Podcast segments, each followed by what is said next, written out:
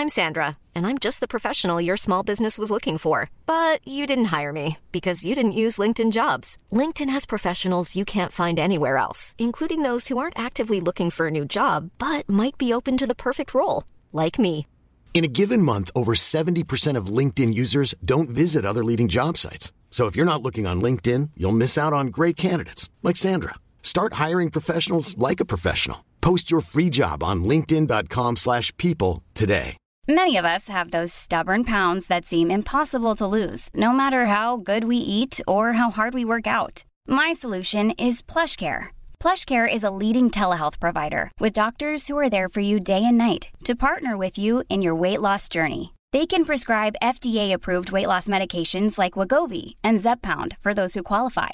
Plus, they accept most insurance plans. To get started, visit plushcare.com slash weight loss. That's plushcare.com slash weight loss.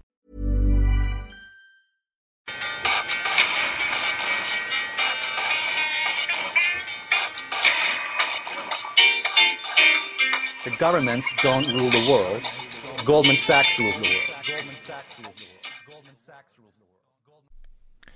Velkommen til den 24. episoden av podkasten 'Tid er penger', en podkast med Peter Warren. Vi sitter her nå på en av årets første vårdager og skal ha utallige tema, så det er mulig at det blir et lang episode. Jeg vet ikke helt. Peter har mye på hjertet i dag, så Er du klar? Jeg er klar. Eh, før vi starter, så skal vi presentere vår partner eh, IG Markets. IG er en nettmegler for private investorer og tradere som er aktive i finansmarkedet, og som har høye krav til teknologi og plattform. Hos IG kan du handle et bredt spekter av markeder, og dette inkluderer alt fra aksjer, obligasjoner til bitcoin f.eks.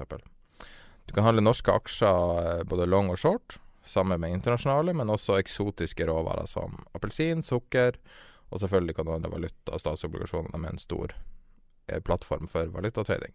Jeg tror det mest populære produktet de har er Dax minikontrakter, tror jeg. Det er vel mye action i dem.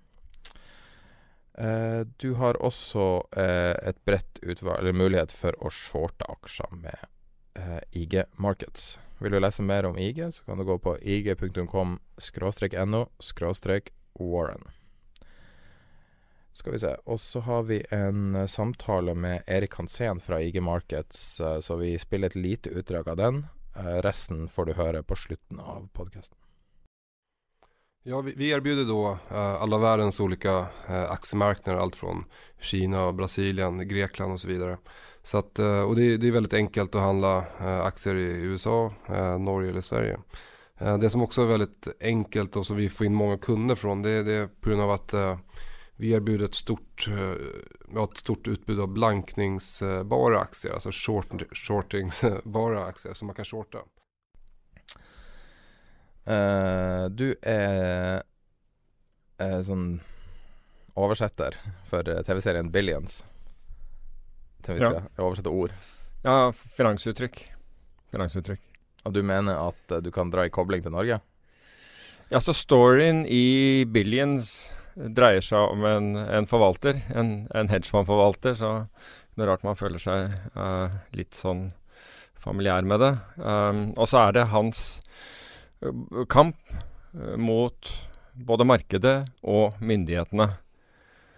Og, og felles eh, for det vi ser, det er jo at det, det, fin, eh, det finner sted korrupsjon på begge sider. Det er ikke bare korrupsjon, altså at man betaler for informasjon som man på en måte ikke skulle ha, men man ser også korrupsjonen hos myndighetene.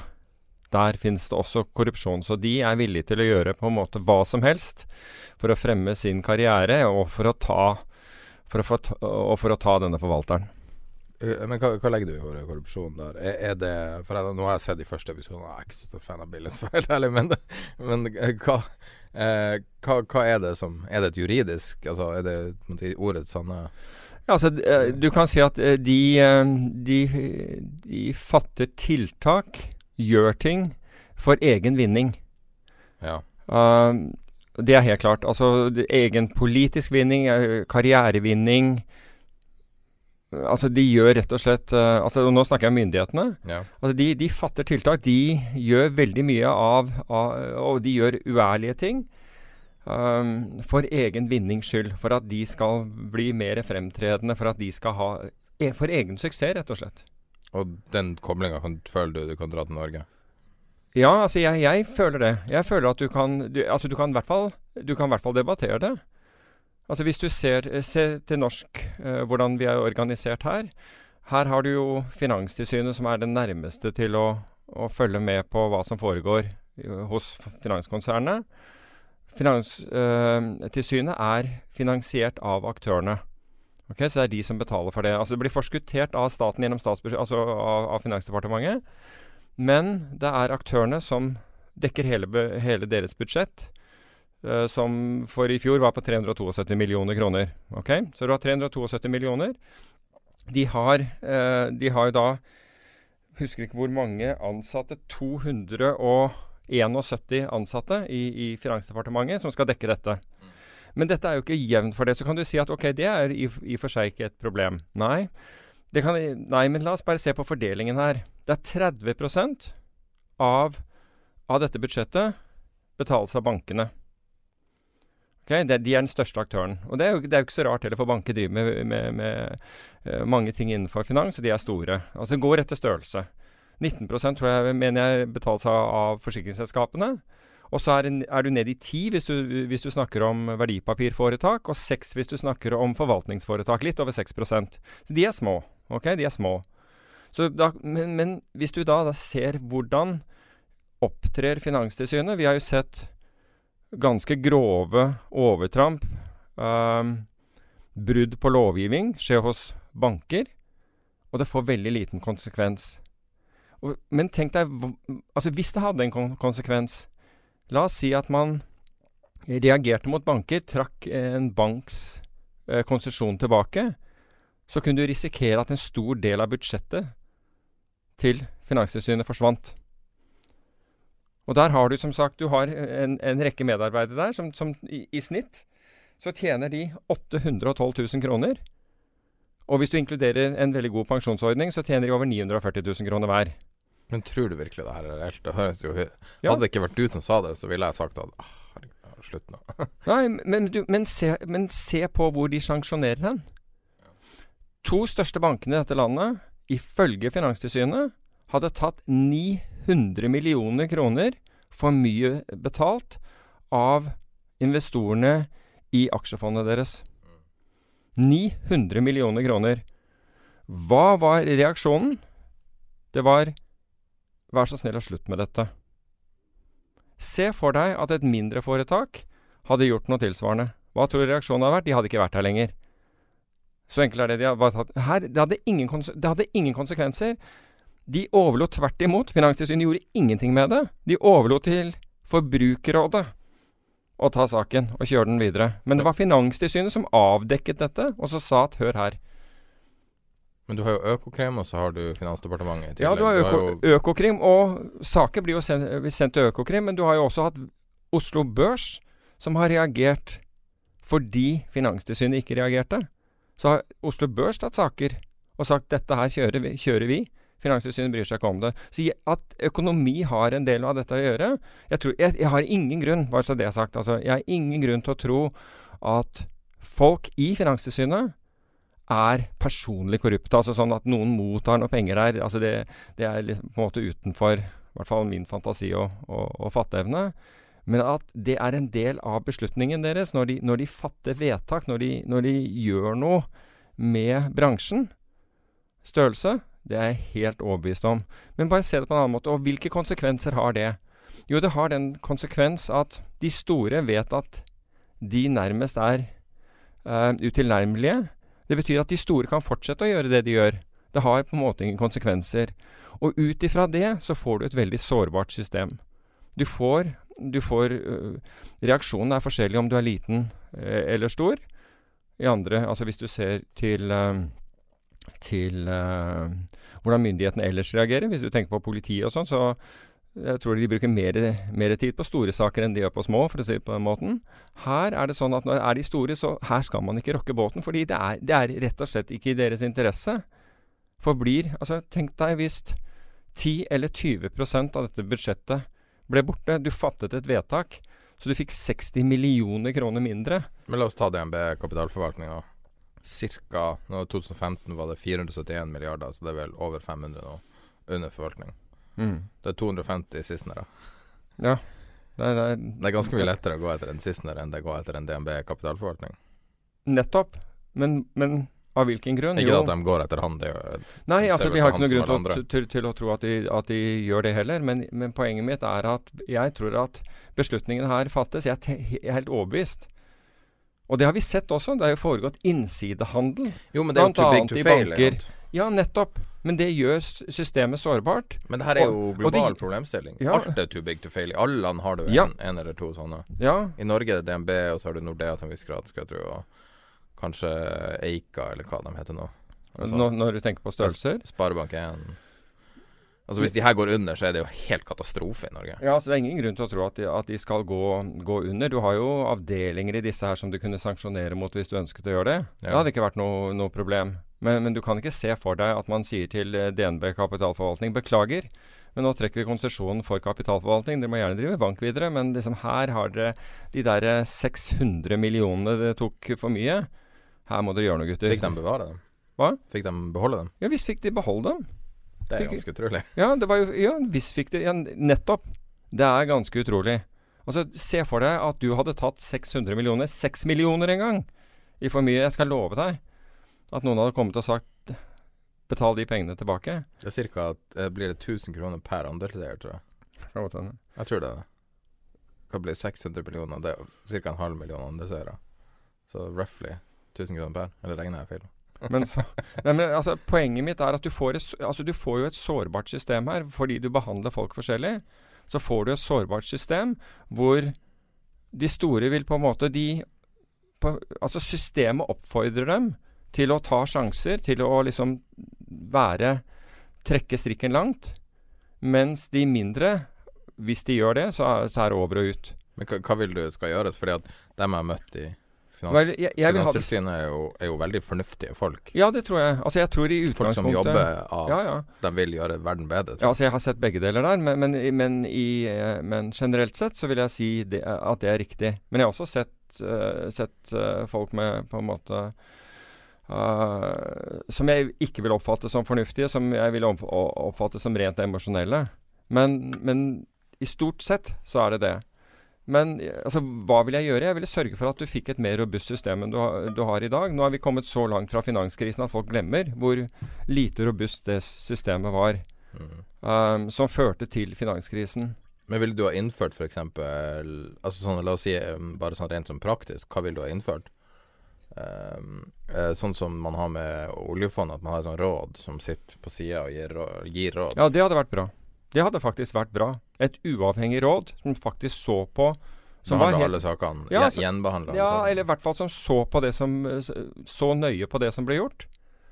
Fordi Etikkråd.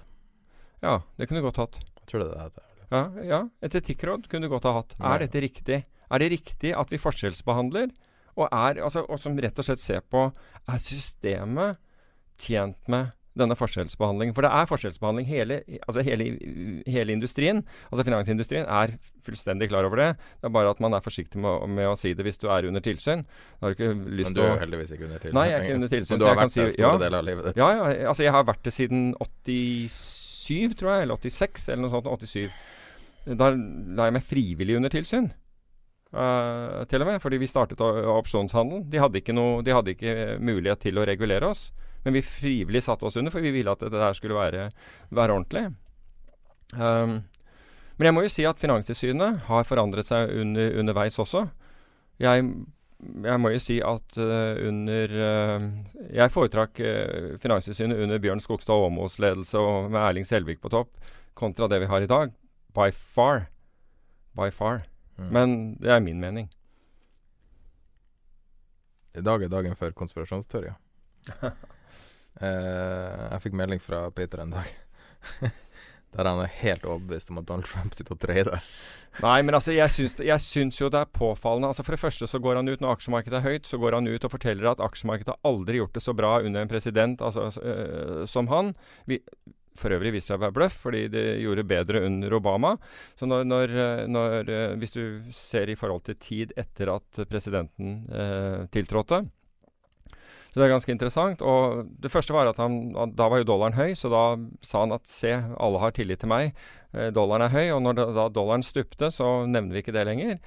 Og nå Altså Nå kommer han jo For, for det første starter han da det, altså disse sanksjonene mot, mot uh, Kina på 50 milliarder. Markedet faller, og så begynner markedet å ta seg opp igjen. Og hva gjør han da? Nei, da dobler han plutselig den, det, det størrelsen på, på, på, disse sanksjonene. Så det kan jo Altså, hvem er det som vil gjøre dette? Altså, hvor, altså Når du ser på det fra en markedsståsted, fra en markedsaktørs ståsted, hvorfor denne brutaliteten? Kan, kan du gjenta det? Ok, så han, du mener Bare sånn la, la, oss si Det her er jo litt sånn en, en, det her er jo en genuin konspirasjonsteori. Ja, altså Jeg mener ikke han altså, det, Men tror, nesten, hvordan tror du han gjør det? da? Tror det nesten, nei, nei, vet hva, det, det, er nesten for far-fetched til å tro at han Nei, men jeg tror det er, er egentlig uh, høyst reelt. Men, men altså, Alt han gjør, er kortsiktig. Ja, men se hva han gjør med altså, Men kjenner ikke han Carl Icahn? Jo, han er jo den økonomiske council.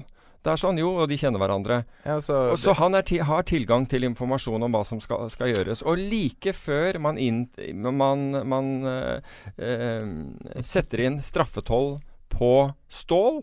Ja. Gjett hvem som går short Altså Bare dager før den der blir innført, så går Icon altså, og, og fondet hans short stålprodusenter. Ja, altså Det er litt av en tilfeldighet, men det kan jo være. Men etter hvert så Nei, altså tror jeg at Trump Men altså I wouldn't put anything past that guy. Men, men han liker kortsiktige profiter. Han liker rip, rip and run. Det liksom ja, Bare se hva han har gjort mot Altså Når han går løs på Jeg tror det var 19 selskaper det var ramset opp forleden. Som han går Som han nevner ved navn og går etter. Mm. Og det var alt fra Northrop, det var selvfølgelig Amazon. Men det var en hel del selskaper som han går etter og nevner ved navn. Og, og sier at disse har Ta f.eks. det han sa om Amazon. Viser seg at det stemmer jo ikke. Men ok, hvis du vet det, da. Helt, altså rent sånn nå, nå La oss si at det her er tilfellet. La oss, la oss si at han gjør det. Hvordan vil han gjøre det? Ok, Så når var det han sa det med Amazon? Jeg må se Husker du når det var? Nei, jeg husker ikke, men jeg kan love deg at kursen har stupt siden. Ja, ja passer. Ja, ikke, jeg, jeg, er ikke tvil. Jeg skal finne den. Det er ikke tvil. Men bare ta utgangspunktet, da. Ok, du er han, du vet at du kommer til å, å, si basically jeg kommer til å gå etter Amazon på et eller annet vis. Jeg husker ikke akkurat hva han sa, men det var jo det som var implied. Uh, ja, uh, Amazon sin markedsverdi er 90 milliarder. Det er penger, det òg. Ja, sikkert ja. kroner. Jeg ser bare i overskrifter. Uh, uten å gå i detalj. Men kursen er ned. La oss si at, at det, skjedde rundt 26. mars. Mm. Da var den på 15,55. Okay. Og nå ligger den på 14,06. Så la oss si at du vet at det der skjer. Du vet at du kommer til å kjøpe en bombshell. Hvor mye kan du tjene på det?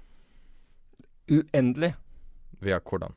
Det du gjør, er, er, rett og slett Fordi du, altså du vet både hva hvilken informasjon skal, som skal komme, og enda viktigere så vet du akkurat når den skal komme.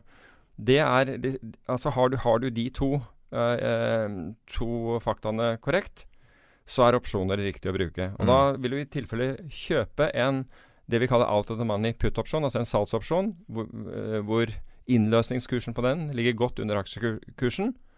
Du kjøper denne på forhånd i stort antall. Veldig kort durasjon? Vel, ja, gans, ja, ganske kort uh, durasjon. Ikke for kort, men du kan, du, du kan, gjøre den kort også fordi Nettopp pga. At, uh, at du vet nøyaktig når informasjonen kommer. Er det nok opsjonshandel i Amazon til at du klarer å maskere det her som normal handel? Um, Eller vil det trigge noe? Ja, altså, du, du var jo jeg har, ikke sett på, på, på volumet der, men det vil være fullt mulig å gjøre. Altså Du kan gjøre det på forskjellige streiker. Du vil kunne uh, Altså Avhengig av hvor rik du er og hvor mye du skal tjene. det Men uh, Kan du tjene en milliard dollar på det der? Uh, milliard, det vet, det vet, jeg ikke. Da måtte jeg studere hvor mye uh, hvor, hvor, omsetningen Men du, du, har jo du har den muligheten. Du kan gjøre total return swap, som, som heller ikke dukker opp på en måte på, på, på, på, på børstikkeren. Det er vel bedre fordi at det er litt mer skjult? Nettopp, ikke sant. Så, så den gjør du mot noen andre, som da, som da, så da er deres problem å, å, å hedge den. Så du har mange ting du kan gjøre, av, av, ting du kan gjøre. Total return swaps har i Norge blitt brukt for å skjule innsidehandler, det vet jeg Ja, det har vi snakka om. Ja. Uh, Ved hjelp av en bank. Ikke norsk bank, bare så det er sagt. men hvis du bruker Han har jo brukt Deutsche Bank eller en obskur bank, så er jo det her Det er en solid teori. Jeg liker det. Det stemmer overens med hans person, som Jo. er kortsiktig profit over alt annet. Og selvfølgelig så vil du da bruke, uh, bruke stråmenn altså det, til, til å utføre disse handlene for deg. Men jeg er ikke sikker på at det er ulovlig engang. Um, For historisk sett så har det vært lov for politikere å drive innsidehandel. Fram okay, til veldig nylig. Ja, fram til veldig okay, nylig. Du kunne trade det du. Ja, du kunne trade det fram til sånn La oss si 2009 eller noe sånt. Så kunne du trade på det, de avgjørelsene du satt i et lukka rom og bestemte, som hadde enorm konsekvens for selskapene. Så kunne du gå rundt og shorte eller lange aksjer som var knyttet til det. Og du kunne gjøre det offentlig, det var lov. Og så endra de det, men det er jo garantert lov på 100 forskjellige måter fortsatt. Jeg leste, jeg leste en bok, jeg husker ikke hvilken av dem var, for jeg leser mange samtidig. Men det, der var det, det handlet selvfølgelig om psykologi og, og, og trading, og, og intuisjonen til tradere, som har vært lenge i markedet. Og de ville bruke uttrykk som nå, kom, 'Nå kommer de igjen'. Altså, han ville se ting som skjedde i marke, skjedde i markedet, og oppdage at liksom ved, ved visse ting så kom det på en måte store ordre inn i markedet. Og han ville Selvfølgelig, du visste ikke hvem det var. Du kunne spekulere på hvem det var, men liksom, nå kommer det igjen. For han så på en måte mønsteret. Og det var så rart, eh, fordi Nå er det noen uker siden jeg, jeg leste dette her, men da du fikk den første 50 milliarder dollars eh, eh, sanksjonen mot, mot Kina Altså eh, Markedet faller, er helt naturlig, men finner det på en måte en, en bunn, begynner å se litt mer optimistisk ut, og du har ikke før det, så ser du, så ruller han inn med det dobbelte. Og, det, og jeg må innrømme, det, umiddelbart så fikk jeg Nå kommer han igjen. Altså, nå, nå kommer han igjen. Ikke sant? Og jeg er sikker på at det var mange tradere som sa nå kommer han igjen. Altså, her kommer rullene på oss igjen. Og så får du en ny smell, smell til nedsiden. Men tidligere så har Trump vært så opptatt av et høyt aksjemarked. Mm. Holde det markedet høyt og skryte av hvor høyt det er, og hvor bra det er, og hvor ting. Og plutselig nå gjør han ting som gjør det motsatte. Hva du, gjør- hva du er sier hvis det her blir plukka opp av Bloomberg, og du blir oppringt av en Bloomberg-journalist? Da Da går du i skjul. Ja, da går jeg i skjul. Vet du, du vet hvordan jeg, jeg Jeg tar jo ikke telefonen hvis jeg ikke vet hvem det er på den andre siden, men eh, Pluss én et eller annet. Ja, ikke sant. Men, men, men greiene er at han, han snur så rundt og gjør det så brutt. Altså, han gjør jo det han gjør så brutalt. Ok, så du kan sikkert argumentere med at, at mannen eh, mangler impulskontroll, og det har du sikkert rett i. Men altså, han gjør det så brutalt at det må ha konsekvenser for aksjemarkedet når han gjør det. Slik at da, må, da kan man jo uh, trekke den konklusjon at han er bevisst på hvilken effekt dette vil ha på aksjemarkedet. Ok, Så får vi spekulere om, liksom, om, om, om resten. Men jeg tror at jeg er helt overbevist om at når han sier noe sånn, så er han bevisst på den effekten det vil ha for aksjemarkedet. Og nå driver alle meglerhus og, og analytikere som, på en måte, som er avhengig av aksjer, og kommer opp og, med unnskyldninger på hvorfor dette ikke er så farlig. Uh, det, er, det er ganske interessant å se. Det er ingen som på en måte ser på dette som en sånn Ok, la oss se på de forskjellige utfallene, hvor alvorlige de kan være. Du ser ingen kommentere hvor alvorlige de kan være. Det er bare, de bare snakker om dette behøver ikke å være så alvorlig likevel. Russland er konk, da. Ja, mulig. Nei, det er sannsynligvis Altså, det er veldig mye Ja. ting som peker mot det. Og nå blir jo de ramma av nye sanksjoner. Ja. Hvor bekymra burde vi være som sitter på grensa deres, nå, om at de vandrer inn i Norge og tar rolle på det? Ja, altså jeg, jeg, jeg, jeg, er ingen russlandsekspert uh, overhodet, men uh, jeg, vet ikke. Uh, Ja, hvordan, jeg mener ikke deg som ekspert, deg som menneske, liksom. Hvor bekymra er du for Nei, jeg, jeg, altså antageligvis så er jeg vel øh, Altså man har sett så mye at man er, er delvis øh, under anestesi på en, på en måte. Ikke sant? Det er akkurat som markedene er det også.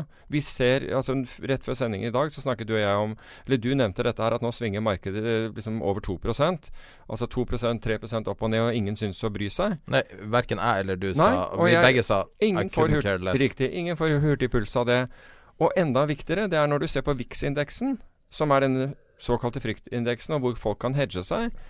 Så altså 2% om dagen skulle tils, tilsi at VIX-en i hvert fall var på 32 Mm. Ikke sant? Og viksen er på 20. Så det virker som Altså, alle tror at det kan ikke bli ille, fordi uh, her, her sånn, men, men uh, jeg ville jo ikke Jeg ville jo ikke stilt meg slik hvis jeg hadde en uh, stor finansiell formue som var Som jeg risikerte i øyeblikket. Eller som, som, som, ville, som, kunne ramme, så ville jeg vel definitivt ha, ha tenkt på å beskytte den i, så, så, godt jeg kunne, uten at jeg trengte å gjøre noe veldig, veldig drastisk. Men vil, altså, dette er jo ikke tidspunktet hvor Altså tidspunktet hvor, hvor, hvor um, aksjemarkedene er høyt priset, obligasjonsmarkeder er, er høyst, høyt priset, vi har geopolitisk usikkerhet, vi har gud forby mye politisk usikkerhet. Um, det, det, er jo ikke, det er jo litt, på en måte ikke tidspunktet hvor du, hvor du ringer uh, banken din og spør om du kan få enda høyere giring på finansporteføljen din. Hva, hva er, hvorfor har, har, du sett de chartene jeg har delt på Facebook-gruppa? Uh, som viser den bruddet på korrelasjonen mellom volatiliteten i forskjellige produkter. Så du har volatiliteten på SMP, altså basically viksen. Og så har du volatilitet på valuta, obligasjoner og ja, det, det, er jo liten volatilitet i, i øyeblikket i, i, valuta, altså sånn generelt ja, sett. Altså, hvis, hvis, du bort, riktig, hvis, du ser bort, fra rubler og, og tyrkiske lire og, og, noe slikt, så er det ikke noe spesielt høy volatilitet i, i valuta. Hva er det som er feilpriser, da? Man skulle jo tro at en av dem er det. Nja, altså det har på en måte ikke nådd Nei, fordi det har, det har ikke, dette har ikke nådd øh, valutamarkedet i no, noe særlig grad. Altså Valutamarkedet har heller ikke fulgt Du kan si at de vanlige korrelasjonene som du eksisterte i valutamarkedet, sånn som at yen styrket seg Uh, når uh, Eller unnskyld, dollaren uh, Dollar yen beveget seg, var en sånn risk asset som beveget seg i takt med, med med, med, med, aksjemarkedet. Alt det der har på en måte gjennom kvantitative lettelser mer eller mindre brutt ned. Og også det, det, forholdet som var mellom obligasjoner og aksjer, altså hvor man ofte brukte obligasjoner som et sikringsinstrument i forhold til aksjer. altså du, du diversifiserte, altså du plasserte noen penger i obligasjoner, noen i aksjer. Det, den den positive diversifiseringen du fikk ut av det, altså vi, risikospredningen for å bruke et annet uttrykk, den forsvant jo når obligasjonsavkastningen, avkastningen du fikk på obligasjoner, ble så lav som den ble, og i mange tilfeller negativ. Da forsvant den muligheten til å få den diversifiseringen. Da var det bedre å putte det i banken din uh, enn, en å ha det i obligasjoner. Så slik at kvantitative lettelser, altså dette myndighetenes pengeinnsprøytninger, har, har røska opp i og ødelagt mange av de korrelasjonene som, som finansteori uh, lærer deg, og fortsatt gjør, fordi uh, den, har, den, har, ikke rukket å, å forandre seg. Og, og, det er blitt et problem. Folk lurer nå på hvor i all verden skal jeg Hvordan skal jeg finne noe som, som Hvordan skal jeg finne risikospredning? Senest i dag på gruppen, så er det noen som spør hvordan, hvordan, uh, hvordan gjør man det nå? Fordi det er vanskelig å finne Altså, jeg publiserte en blogg i dag, og der hadde, jeg hadde publisert um, for ca. to måneder siden så påpekte jeg det der misforholdet som var mellom et stigende aksjemarked og fallende selskapsobligasjoner. Og Da snakker vi om de risikable, altså high yield-obligasjoner, men også de sikre, altså investment grade selskapsobligasjoner. Og hvis du tenker deg at aksjer og obligasjoner er med i samme kapitalstruktur, altså det er en del av kapitalstrukturen til bedriftene, så burde vi sette oss opp i stolen når de sikre aktivaklassene faller, og den mest risikofylte fortsetter å stige. Det er, pleier å være et dårlig tegn, jf. Uh, 2007 og 2008, hvor det fullstendig kollapset etter akkurat det. Men nå har vi sett at det har, har Siden den gangen, da, for, to, for ca. to måneder siden jeg skrev det, så har det så ser vi at aksjemarkedet har korrigert nedover, og at det har begynt å, både relativt og absolutt. Så er, altså Når du ser sånne ting, så kan du si at ok, nå er aksjer blitt enda mer risikable. Fordi obligasjonene, altså de mer sikre aktivaene her, forteller meg en annen historie enn aksjer. Altså De divergerer, de, eh, de, de har ikke samme utvikling. Så det er på tide å sette seg litt opp i stolen. Og det viser seg å være riktig. Så hvordan trader du det? Jo, du, er, altså, du kan trade på to måter. Du kunne, være mer, du kunne være forsiktig med aksjer. Du kunne si at ok, er, aksjer er høyt priset. Eh, obligasjonene på de samme selskapene faller. La meg redusere eksponeringen min. Eller du kan gjøre som et hedgefond, hvor du kjøper noen av disse obligasjonene og shorter aksjer i forhold til det. Begge deler vil, vil du ha tjent penger på. Eh, på, på å gjøre. Så, så du kan si at du har muligheter rundt deg, men du må være smartere i dag. Du må kunne mer i dag for å diversifisere enn den, der, den standard La oss ha 60% i aksjer og 40 i obligasjoner, eller motsatt. Men hadde spørsmålet på gruppa handla om den ETF-en GVIP. Eh, det er jo på en måte en del av den nye generasjonen ETF-er som er sånn Som har litt sånn en god historie, da. Og da går Goldman Sachs sine eh, til, til en, uh, Hva det blir Hedgefond-kopi, Ja, på et vis. ja på, på, på, et vis bare at det er ikke en hedgefond-kopi, for du får bare longboken fra et hedgefond, ikke sant? Altså det Bare for å gå tilbake igjen. Altså de, disse investeringsbanker som Goldman Sachs og Morgan Stanley og noen få andre, de er primærmeglere for en rekke hedgefond. Vil si at hedgefondene bruker dem som finansieringskilde, og gjennom det også bruker de for, for å, å, å låne aksjer som de kan gå short. Og Det betyr at siden de bruker det som finansieringskilde, så ser disse investeringsbankene porteføljen til disse hedgefondene. Så det de her har gjort, det er å ta, ta og se hvilke aksjer sitter de mest med. Altså de tar f.eks. De, de ti største posisjonene til, til hedgefondene, som de samler inn data på, og så sammenligner de med andre hedgefond, og så ran- ranker de de på nytt. Hva er de de ti største posisjonene som hedgefond sitter med? Og så sier de det må være den, er, den porteføljen er interessant. Her er så mange som har funnet disse aksjene, 10-50 aksjene eller hva det er for noe, et eller annet sted mellom der. Slik at vi lager en portefølje av det. Vi lager et fond bestående av det. Og det er flere Minus som har gjort det. hedgen i hedgefondet. Minus hedgen. Så det du, altså, du kan si at hvis du ville gjøre det der som et hedgefond, altså, eller hvis du ville utnytte det, men ikke ha markedsrisiko, så vil du kjøpe det fondet, og så vil du shorte f.eks. SMP 500-indeksen for å ta bort markedsrisiko Mm. ut av det. Og da får du på en måte det vi kaller alfa, Ja. altså merver merverdi. Og det eh, fond, eh, den ETF-en er vel pluss-minus null, Ja, mens, mens aksjemarkedet er ned 2% så da ville du være opp hvis du hadde gjort det. Da ville vil det vært opp hvis du hadde det ville være nok av kostnader med å shorte, skal jeg tro. Ja, hvis du hadde shortet, men, men du kan si at greiene er at, er at, eh, at den, har, den har en alfa, den, denne, denne porteføljen. Den har en alfa. Men det er ikke bare de som har gjort det, det fins flere andre.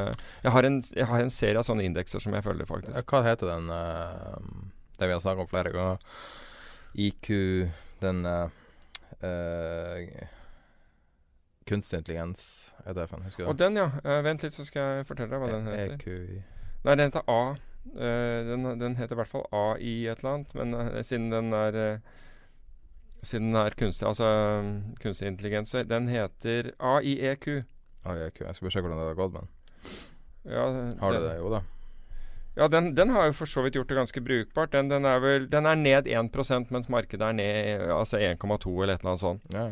Så Men det er jo altså Man kan ki- kimse av det og si at det er det samme, men det er jo absolutt ikke det samme. Nei, det er ikke det samme, og ikke bare det. Men man må huske på at den, den Altså for det første, altså siden den har Den er opp 0,75 i år.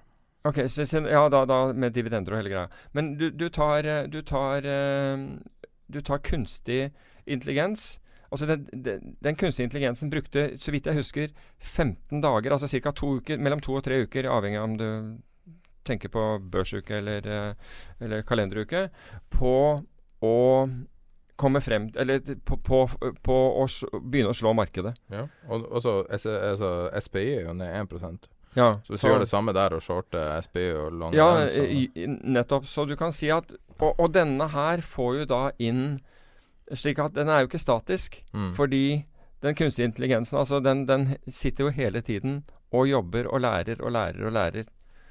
Uh, men, uh, men jeg syns jo at så langt Nå har den fått, virkelig fått prøve seg i, i volatile markeder. Altså Hvis ting hadde vært ganske sånn som det var, da, eller med, med nesten ingen svingninger, så, kunne, så ville det være vanskelig å, å mene noe om det. Men nå har den fått prøve seg i volatile markeder også. Mm. Um, og har, gjort, har gjort det bedre. Så, og riskjustert gjort, gjort det bedre. Så Fantastisk historie da til en ETF. I Ja. likhet med den GVIP fra Goldman Sachs. ah, Ja, ja. Den og, den og flere, det fins flere andre av disse her.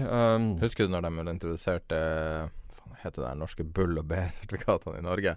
Det Ja, jo en men altså, det er, det Når er det jo kom, liksom, så var jo det en helt sensasjonell historie. At du kan bare gå long eller short eller bull eller bear. Liksom. Ja, giret.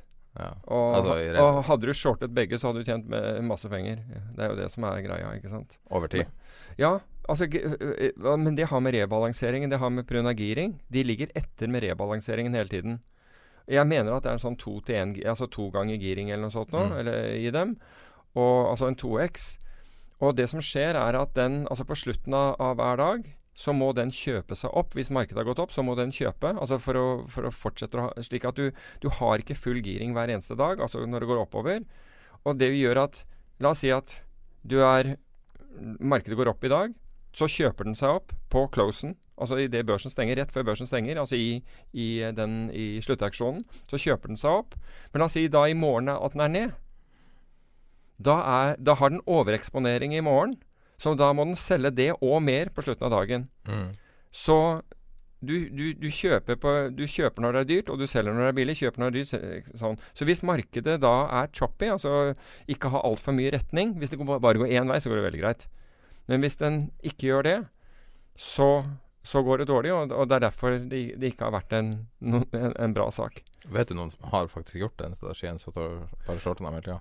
Begge to? Uh, nei, vi vurder, jeg husker at vi vurderte å gjøre det. Okay. Men det var en eller annen grunn til at, eh, at, at vi ikke gjorde det. Jeg husker uh, Compliance kom og var ikke helt fornøyd med at vi, at vi gjorde det av en eller annen årsak. Motpartsrisiko eller noe? Handelsbanken Eh, ja, det, det var ikke motpartsrisikoen. Det var en eller annen årsak til at Jeg husker ikke hva compliance, men de var ikke noe spesielt kine på det. Og vi, og vi tenkte også vi får vel ikke gjort dette i det volumet vi ønsker å gjøre, for da kommer vi til å påvirke det mer, antageligvis, mm. uh, ved å gjøre det. Så um, Men når det kom, det var jo syv, seks rundt der. Husker ikke, men, men uh, nå ble faktisk den Det er rart du nevner det, for det var en journalist som tok kontakt med meg om dette for ikke lenge siden, altså kanskje en måned eller to siden. Og da begynte jeg å se på det, og så skjønte jeg ikke noe av tallene, men da viser jeg at de har slått dette sammen med et annet produkt. DNB sin, kanskje. Et eller annet sånt. Men det blir slått sammen slik at, uh, slik at uh, tallene ga på en måte andre verdier enn uh, en de skulle. Men det er pga. sammenslåingen. Og da turte jeg ikke å, drive, å, å, å gjøre noe statistikk på det, fordi um, fordi jeg var usikker på at jeg, Altså garbage in er gar garbage out. Jeg var usikker på det materialet jeg satt på. Om det var riktig. Jeg googla eksakt derivat. Bull eller ber eller hva det var jeg googla. Fikk den her overskrifta. 'Slik blir du garantert rik på andres fiasko'. Ja, en kar som har funnet fra 2009. ok. Så hvis du hadde shorta B-sertifikatet fra 2009 Nei, hva det blir? Hvis jeg shorta B-sertifikatet Ja. Ja, det hadde jo vært fenomenalt. Det hadde vært Det har i hvert fall vært fenomenalt. Men, øhm, men de altså, det er ikke alene om det. Jeg så en Var det i olje? Det tror jeg ikke var et norsk produkt. Men hvor oljemarkedet hadde gått 70% og de hadde tapt 30 Rett og slett på svingningene. Hadde tatt livet av. Altså De kjøpte dyrt, solgte billig, kjøpte dyrt, solgte billig hele Ja. tiden. Det er jo klassisk trader, da. Ja, ja. Klarer ikke å sitte på det. Ja, men, men dette er reglene. Dette er rett og slett reglene i, i Altså rebalanseringsreglene til produktet. Så det har ikke noe med at noen syns eller skal Jo, men altså, det er menneskelig natur også å hele tida gjøre feil. Ja, det, det er det, men, men, men her er jo den, den menneskelige naturen på en måte Altså Greiene er at for at de skal sikre seg Og det, dette var jo det samme med det eh, XIV-produktet, ikke sant? Mm. Det er også rebalanserte på slutten av dagen. Um, og, og, og når re rebalanseringen gjøres på et sånt tidspunkt, så, så må de bli liggende etter. For ellers så, så risikerer de for store posisjoner. Så de ligger på en måte på etterskudd, og, og, og det blir en kostnad over tid hvis, hvis markedet ikke går i én retning. Altså hvis det dundrer i én retning, så går det kjempebra. Altså, og ikke ser seg tilbake. Men med en gang du får fluktuasjoner i det, og fluktuasjoner over tid, altså hvor det kanskje ikke beveger seg noe særlig Altså det går opp og ned, opp og ned, opp og ned, men, men, er, men hoved... øh, hovedtrenden er sidelengs, så vil det koste deg penger. Mm. Mye penger å være i de produktene. Skal vi se Du er bekymra for tilstanden til de rike De rikeste i Norge? Han Witzøe er vel den rikeste av alle, han ikke? Hvem? Witzøe, han der eh, Ja, det er mulig. som har arva Det, nei, jeg er ikke bekymret. Altså, dette her, altså, hvorfor vi begynte å snakke om det, var, var fordi en, eh, en megler ringte meg forleden. Og så, og så, henvi, og så, så sa jeg her, siden han hadde så god tid Så sa jeg har du lite å gjøre om dagen? Jeg så at det er, ikke, det er jo masse folk innenfor fiske som har gjort kjempefortjenester. Og han sa ja, vi er alle, og alle er på, han sa alle er på telefonen med en gang det kommer en artikkel om en ny en i, i, avisen. Men han sa at køen er så lang at det er Han sa Og bankenes private banking-avdelinger, det er de første. Han sa for de er allerede inne før dette her blir kjent for oss andre. Ja, for banken vet jo. For banken vet det, ikke sant. Så de er inne, og og, og han sa de vil ikke tro hvor mye drittprodukter som selges på, på disse menneskene. Jeg, jeg, aner jo ikke om, om, det stemmer eller ikke. Men jeg vet jo fra tidligere at gründere som plutselig har gjort en, en stor suksess, de blir jo hva vi kaller overbroke. Da skal alle ringe dem og selge dem ting. Altså Jeg sitter jo selv i styret til, uh, til uh, Radiumhospitalets legater, og jeg ser hva som ringer de der. Fordi alt det der havner Eller det, filtreres, og så sier de at de må ringe meg. Og de aller fleste gjør faktisk ikke det. Men, eh, men, men altså, og, der har du sånn Nei, vi kan, kunne garantere 10% i måneden. Det var et valutaforetak. 10% i måneden skulle de garantere. Ja, de var, de, jeg tror de levde i kanskje 15 dager, det der foretaket, før de var borte. Uh, men du får Og det som er veldig lett å gjøre, det er hvis noen har brukt en megler der før, altså en aksjemegler, så kan det hende at de ansetter vedkommende til å forvalte for seg. Og Du må også huske at det er ikke noe galt med aksjemeglere. Men er, altså de, er, de er selgere av altså Det er det de gjør. De går på morgenmøter, uh, får en story, får høre analytikerne, og så selger de den ideen videre til noen. De er ikke risikotagere. Jeg kjenner noen meglere og har tilbrakt noen ja. tid med meglere det er veldig spesiell kultur. Og det er den der De, de snakker om Kurt hele jævla tida. Ja. Kurtasje hele tida. De bryr seg Det, det er akkurat som de ikke forstår at det, det er på hovedstolen du tjener penger. Så hvis du sitter der og tar en kvart prosent av et eller annet, og så sitter du og feirer og drikker champagne, så bare Du, det er en kar her som sitter med 99,75% som tjener litt mer enn deg. Og det er litt den der mentaliteten bak Jeg tror det er veldig skadelig, mentaliteten bak å være en risikoløs selger. Ja, men ja, altså i, i, Ideelt sett så skulle de hatt skin in the game, det er jeg helt enig i. Og, og, folk som anbefaler noe, burde ha noe bak det. Altså burde leve av sine anbefalinger og, og ikke ha sin, sin kurtasje. Men, men, poenget mitt er at aksjemeglere er ikke risikotagere. De sitter ikke og håndterer risiko. Og jeg vet ved et, et antall eh, tilfeller, og vi skal la være å nevne navn, hvor det har gått helt til helvete fordi de har hatt en som ikke har peiling på risiko, til å sitte og forvalte en, en formue for seg. Og hvis du går til private bankere, det er, altså, de, det er veldressede mennesker som du vil ta med hjem til svigermor og se sier de rette tingene og er, er, kjempehyggelige. Men de har heller ikke tatt risiko.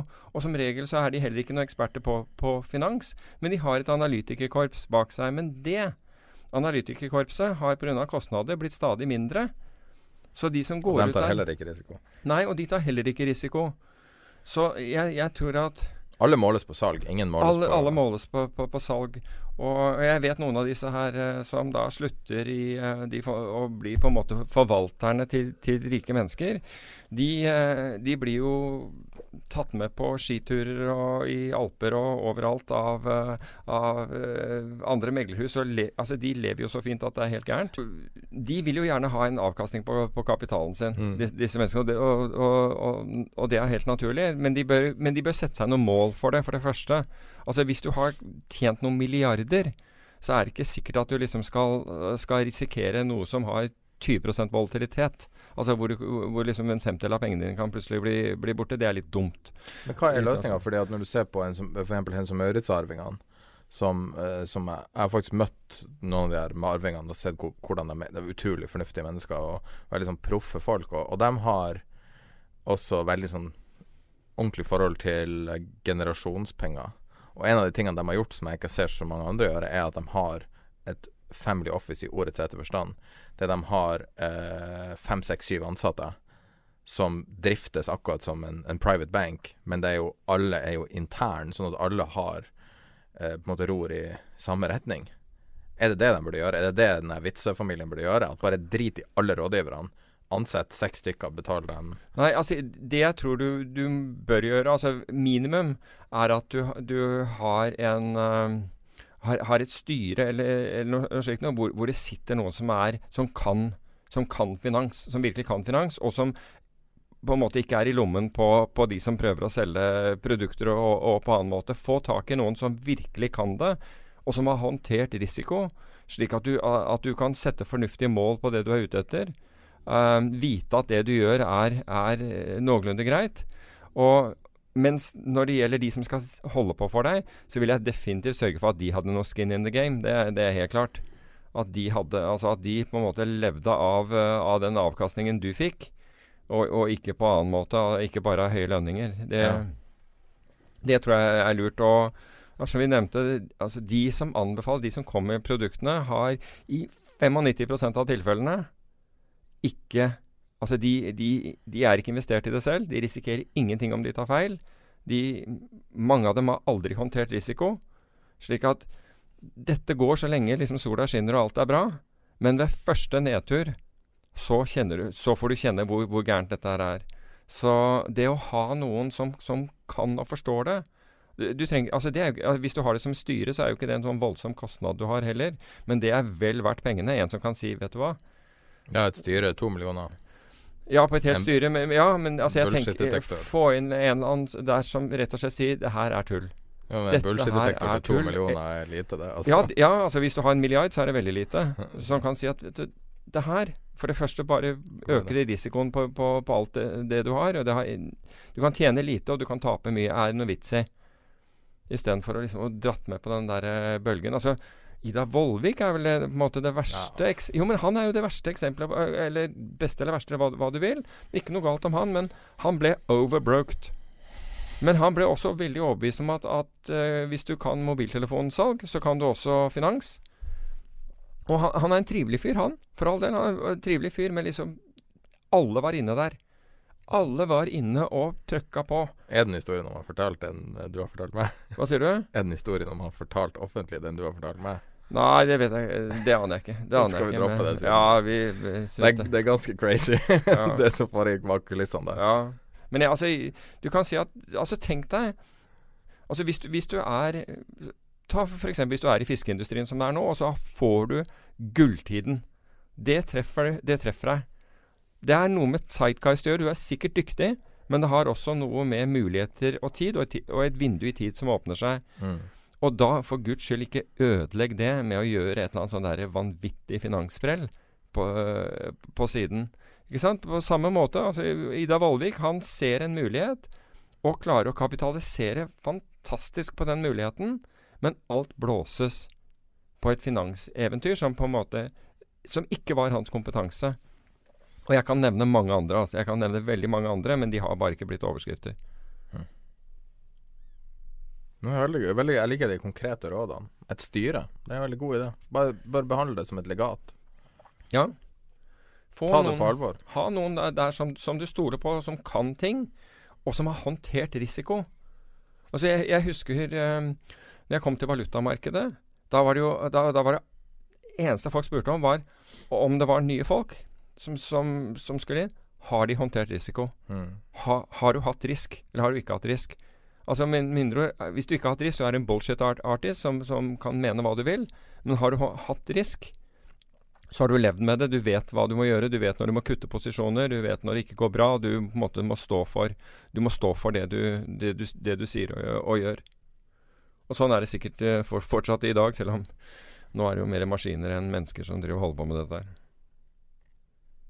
Hva du syns om Facebook? Vi snakka om det sist, hvis vi skal gå inn i detalj.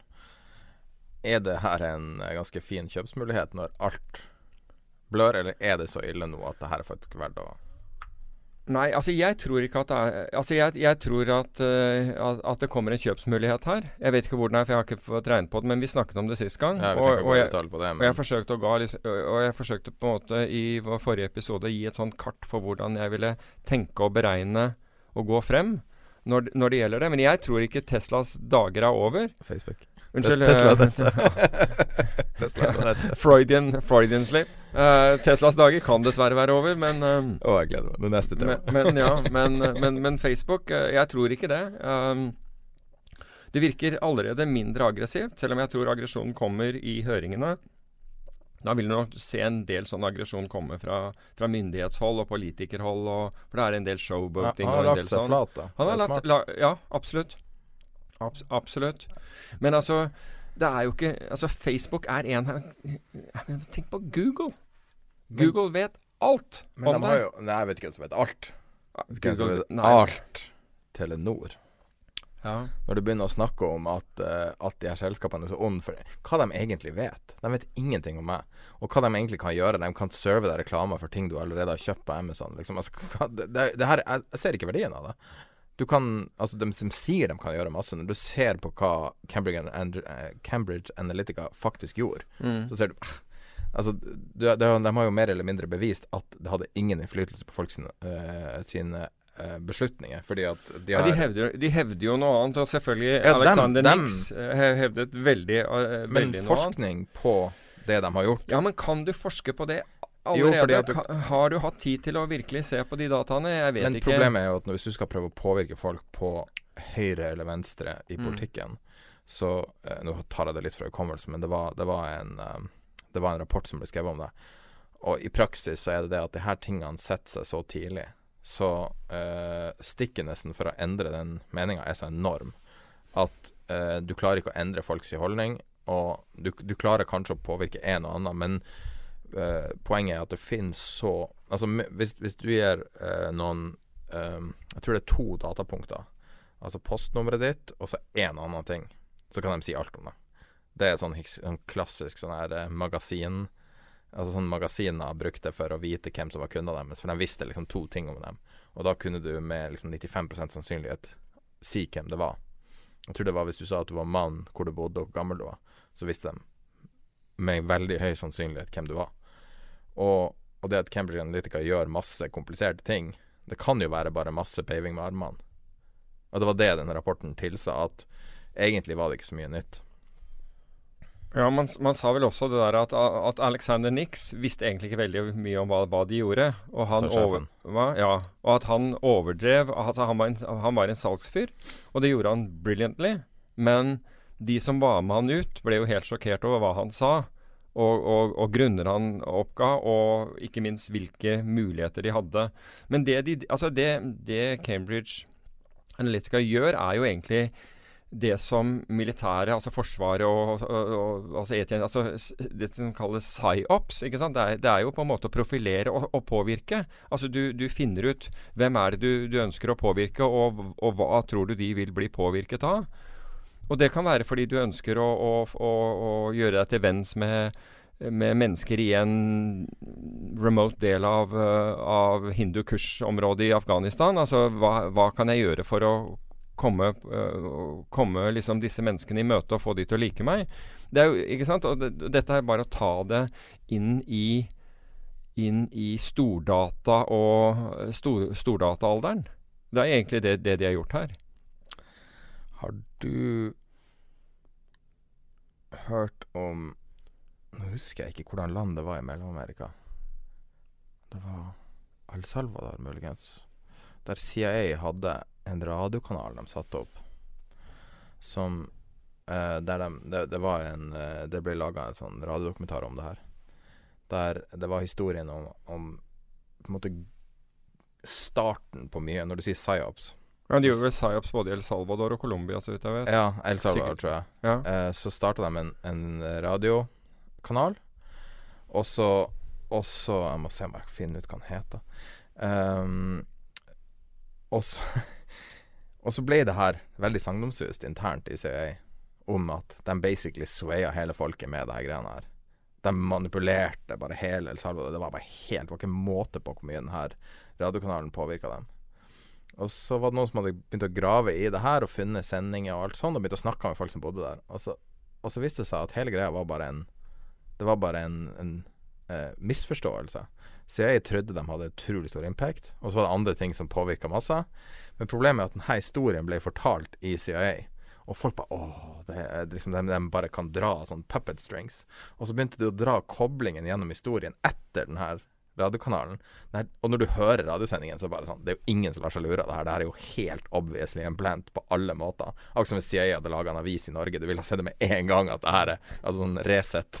Ja, men, Altså, du- men, men kausalitet og korrelasjon er to forskjellige ting. ikke Ja. sant? Og Særlig når du da prøver å, å connecte dots i ettertid. Men la oss si at ingenting av det her har funker. Som Cambridge gjorde. Altså jo, altså, jeg tror nok at, at psyops funker. Men, men uh, hvor godt det funker altså Psyops har vært alt fra å droppe flyveblader til, uh, til Hearts and Mind on the Ground. Altså hvor man er der inne og, og yter medisinsk hjelp og hjelper med infrastruktur osv. Så, videre. så jeg tror at det, det, har en påvirkning, det. Uh, problemet er at uh, f.eks. i Afghanistan er at det blir, ikke, det blir, ikke, særlig hyggelig for, for de man har hjulpet når Taliban kommer på besøk.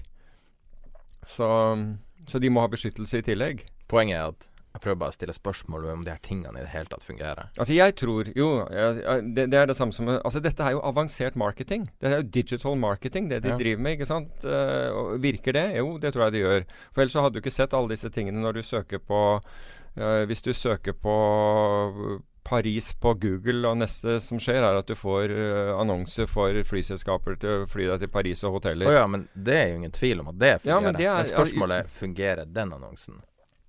Uh, det, ja, altså jeg, fungerer hvis, politiske annonser i USA? Vet ikke. De har, det er jo veldig mye som tilsier at.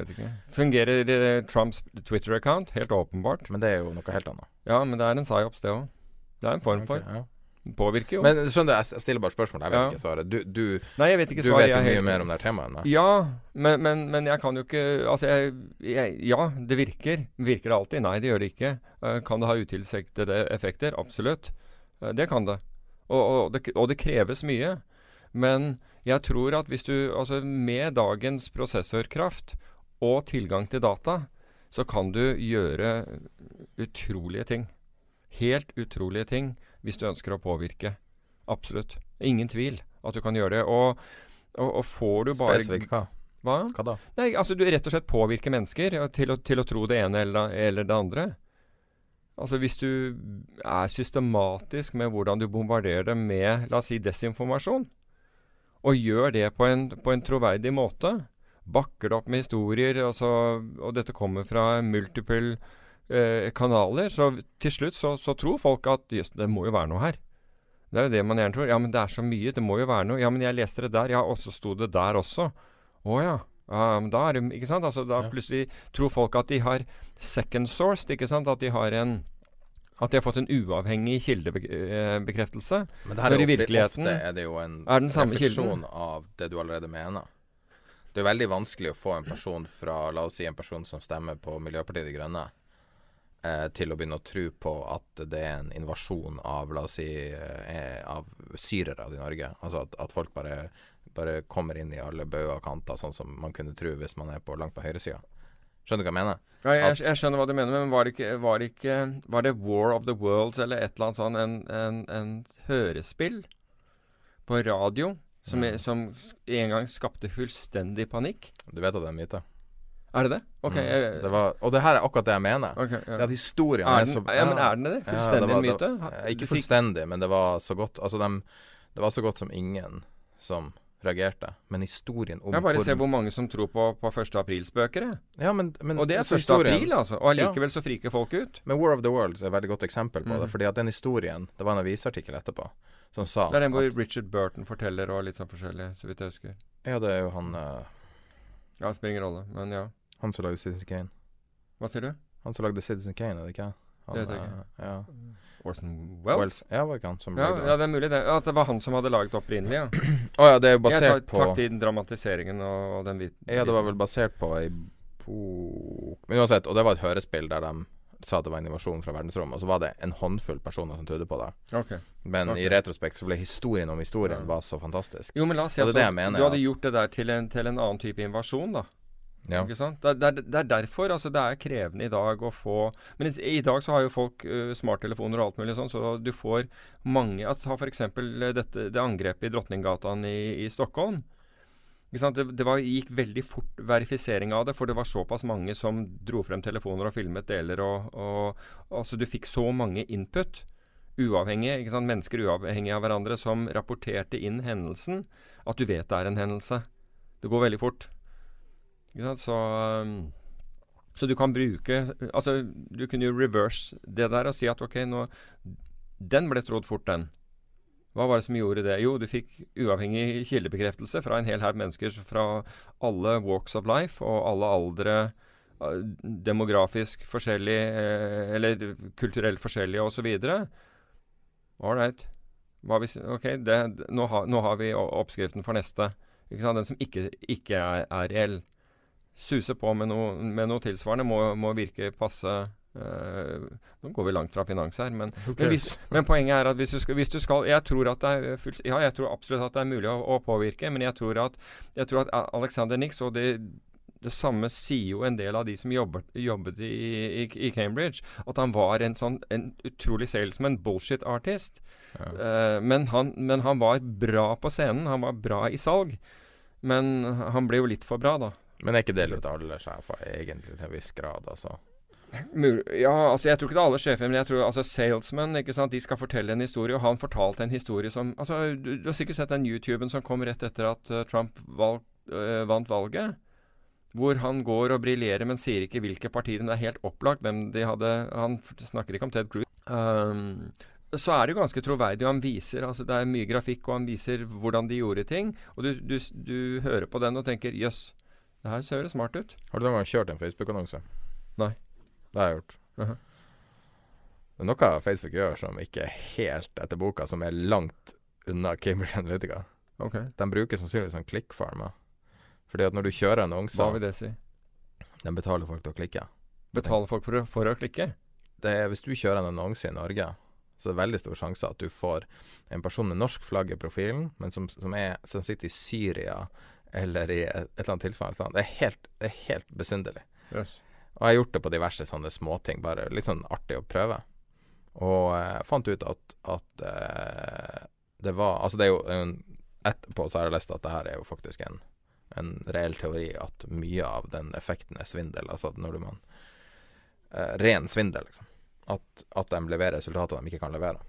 Og det er jo litt av problemet hvis du ser på effekten av Facebook, du, hvis du sammenligner det med f.eks. Instagram. Så Facebook er jo på, på alle måter på hell. Og for ingen som egentlig bruker Facebook annet enn å chatte, i den grad det var for fem år siden. Mens nå er det ting som Instagram og Snapchat som er Ok. altså Jeg, jeg syns det er greit å følge med på folks bursdager og sånt noe, men uh, Ja, nei, altså, men, men altså, å bruke plattformen er okay. jo på hell, veldig. Uh -huh. eh, men så er jo de selvfølgelig Instagram også, så det er jo greit. Men, eh, men det er bare Grunnen til at jeg, jeg, på en måte terper på det, er sikkert mange sitter og, og banner inn i, inn i headsetet sitt nå, mm. men det er den kritiske tenkninga, da. For det er jo en sånn etablert sannhet om at data er så verdifullt, og datasamling og dataanalyse fungerer så fantastisk. Og mitt spørsmål er enkelt. Er du sikker på at det fungerer? Ikke du, altså, men Ja, altså jeg, jeg mener jo at vi har nå verktøy som vi aldri har hatt før. Og jeg, ja, jeg tror det fungerer, men jeg tror at Jeg tror du må være smart. Altså, jeg, jeg tror du må være flink til å Altså, det blir garbage in og garbage. Det hjelper ikke bare å ha data. Du må på en måte tenke dette nøye gjennom hvor du, hvor du vil og hvor, hvor, du skal og hvordan du skal komme dit. Jeg tror ikke det er for alle å gjøre dette her. Uh, men jeg, ja, jeg er helt overbevist at, uh, at uh, det der å, å, å, bridge data, altså bruke data til forskjellige ting, jeg er helt overbevist at det si, Altså for å påvirke folk? Ja, blant annet. Jeg er helt overbevist om at du kan gjøre det. Altså Hvis du kan påvirke folk gjennom Uh, gjennom PR-byråer altså i dag, Glem data. Altså Før det, hvis, hvis du kan gjennom, gjennom, myndighetskontakter og alt det Hvis du er i stand til å påvirke myndigheter og folk og osv. Gjennom, gjennom mennesker som presumptivt Det fins en del byråer for det i, i Norge. Uh, uten data så kan du Altså når de får datastøtte, da tror jeg de blir enda mer effektive. Det er mm. helt sikkert veldig viktig med personlige relasjoner og hele greia, men når du har datastøtte i tillegg, det er, eh, det, er, det er, som å være soldat på bakken og få flystøtte. Det blir bedre. Tilbake til finans. Konke Tesla. Det var jo aprilspøken som Jeg skjønner ikke hvordan han tør å gjøre Nei, det der. Den var eh, Den satt. Den eh, Der måtte vært noen misfornøyde aksjonærer og obligasjonseiere i den. Snakk om å lage et illustrasjonsfoto til den dagen de konker. Helt utrolig. Helt utrolig. Men for, for altså, jeg, altså, jeg, vet ikke om det konker, men jeg, altså, det er ingenting jeg har sett med Tesla siden vi begynte å snakke om det. Og jeg gikk tilbake og så på det, og det, jeg tror det var så tidlig som i oktober eller november hvor vi begynte å, å, å snakke om det, og du lanserte denne ideen, og vi laget denne, denne opsjonsstrategien. På basis av det så er det jo ingenting jeg har sett etterpå som, styrker, som, som jeg har sett, som styrker te Teslas økonomi, hvor jeg tenker at å, den der opsjonsgreia blir aldri noe av. Så siden det var så lenge siden vi hadde snakket om den, så tok jeg frem tallene, og så så jeg på disse opsjonene eh, nå.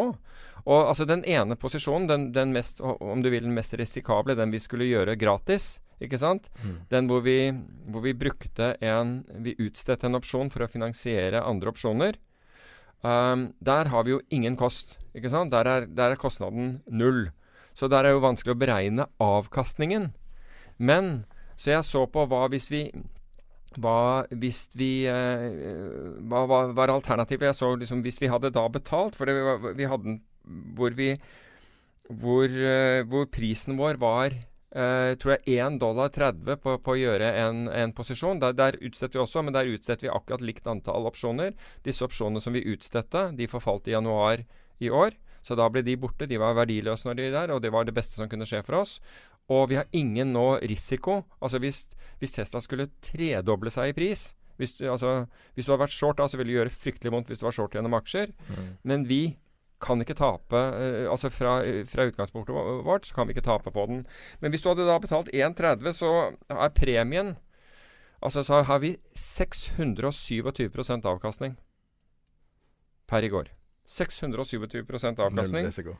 Etter, med null risiko. Et, etter 13. Null, ja, der. Og, og, hvis du hadde gjort det, og hvis du hadde gjort den med hvor du betalte premien på den opsjonsstrategien, og du hadde utstedt ingenting, så hadde, da hadde du 7 dollar og 30 cent per, per, eh, per, eh, per aksje i, eh, i, kostnad for den, så har den gått opp 30 hittil i år.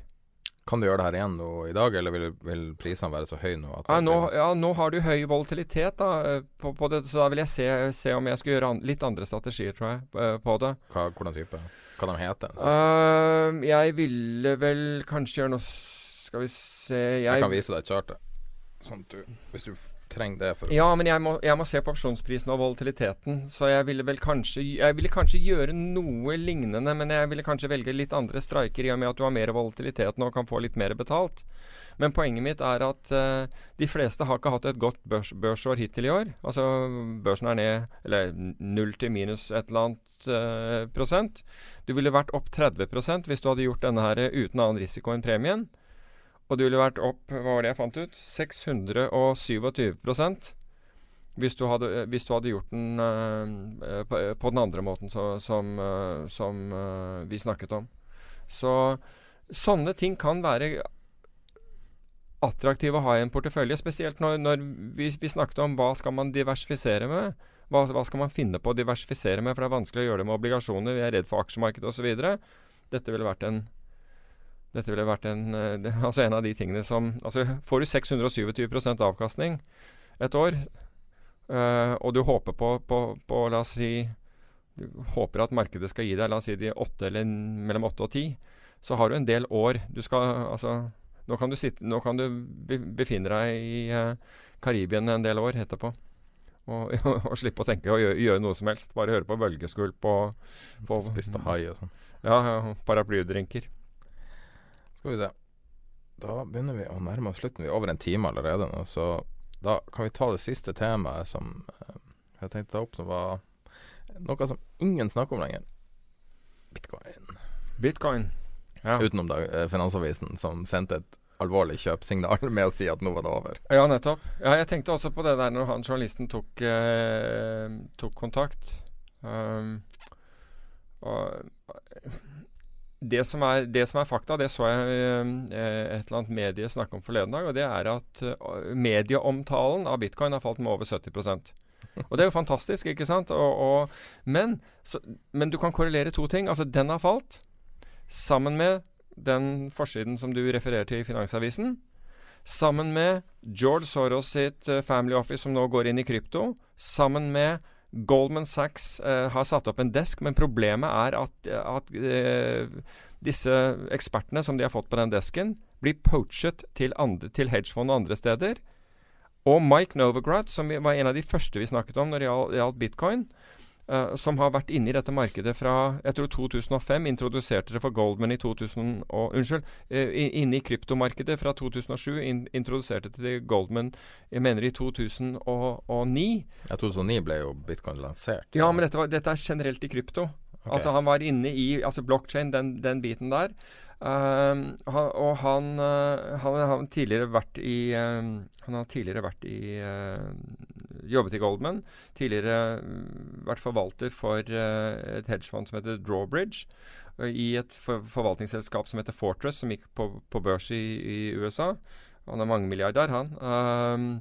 og han han trakk eh, sin eh, han, skulle, eh, han, hadde jo da tenkt å lage rett og slett en investment bank rundt krypto, men skrinla planene da, da, bitcoin gikk og andre valutaer gikk berserk mm. i, slu, i, slutten av fjoråret og begynnelsen av dette året. Nå blir det en realitet på disse nivåene. Så Mike Novogratz is, is back, og det er flere andre også. Bank rundt det. Hva sier du? En investeringsbank? Ja, han, han tenker å lage en, en investeringsbank rundt. Og ikke, så har du Dan Moorhead, ikke sant, tidligere Tiger. Disse gutta. Jeg fikk eh, noe fra dem her forleden dag. Og de setter opp sin, nå sitt tredje venturefond. Første gikk 720% rente, altså eh, av, 720% avkastning. Nummer to hadde 430. De setter nå opp sitt, sitt tredje. Og det er bitcoin? Eller ja, eller det, det dreier seg om, om ICO-er, altså um, disse emisjonene i kryptoer. Og, og, og, altså det, dette er folk som sitter virkelig midt i, i smørøya, i hvert fall av, av, informasjon, som nå kommer på banen fordi de nå mener at dette, nå er tiden inne. Og jeg er ikke uenig. Jeg er slett ikke uenig. Tror, Har du kjøpt bitcoin, da? Hva sier du? Har du kjøpt bitcoin? Nei, jeg tror jeg, kommer til, ja, det, jeg tror jeg kommer til å la de gutta gjøre det for meg. Jeg tror faktisk jeg kommer til å la Bitcoin noen, eller andre? Nei, disse de, Ja, det er fordi de, de, velger. Men jeg tror eh, faktisk min greie er å gå Jeg går inn hos noen av disse. Hvem da? Ja, noen av de jeg nevnte. Og du får access til det? Ja. Er ikke det ganske attraktivt å komme inn på en sånn? Ja, det kan være. Det kan være. Men jeg får det. Hvor jeg, stor prosentandel av likvide midler? Uh, hva tenker du på? Og for min del? Mm. Ja, nei, det vet jeg ikke ennå. Mm. Et sted mellom én og fem? eller noe? Nei, mer enn det, tror jeg. Seriøst? Ja, fordi oh, Jesus. Ja, fordi vi Breaking this! Ja, men det er også fordi eh, Fordi det, her sprer man seg over, over, over mange. Altså de det, Dette er Ja. Så det er, dette er, det er kun en investering i bitcoin. Dette er en investering i flere ting. Så, altså flere innenfor, innenfor denne sfæren, inkludert blockchain-teknologi. Men for å hive litt kaldt vann i, i, hodet på folk som på en måte setter seg opp i stolen og, og, får lyst på dette her, så så jeg i dag Barkley Hedge, som er en um, som ikke er Barclays Bank i det hele tatt, men som utvikler da, som er et analyseselskap. De har nå startet en, en kryptovalutaindeks og den, var ned, den uh, var ned, er ned 44% i år. Men vi vet jo at liksom, bitcoin har falt fra 19 på, på, toppen og ned til, eller nesten 20, og ned til, til 6. Så, så, det er ikke så rart at, at den indeksen er ned. Er du sikker på at du vil ha denne informasjonen ute, for det kommer til å få telefoner av er nesten garantert? Ja, men jeg tar jo ikke telefonen hvis jeg ikke vet hvem som ringer, så det er ikke så farlig.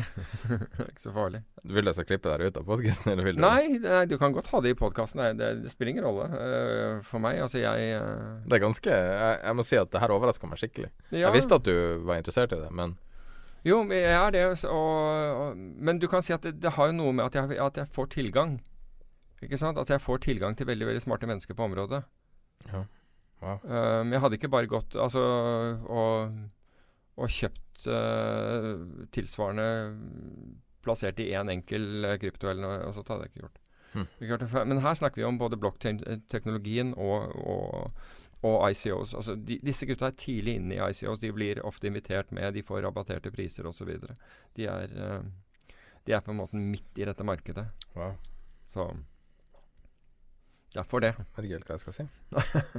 Jeg, jeg, kan si at vi er én time og tolv minutter inne der nå, så jeg tror kanskje vi runder av. Og så har vi vår eh, faste samtale med Erik Hansen fra IG Markets.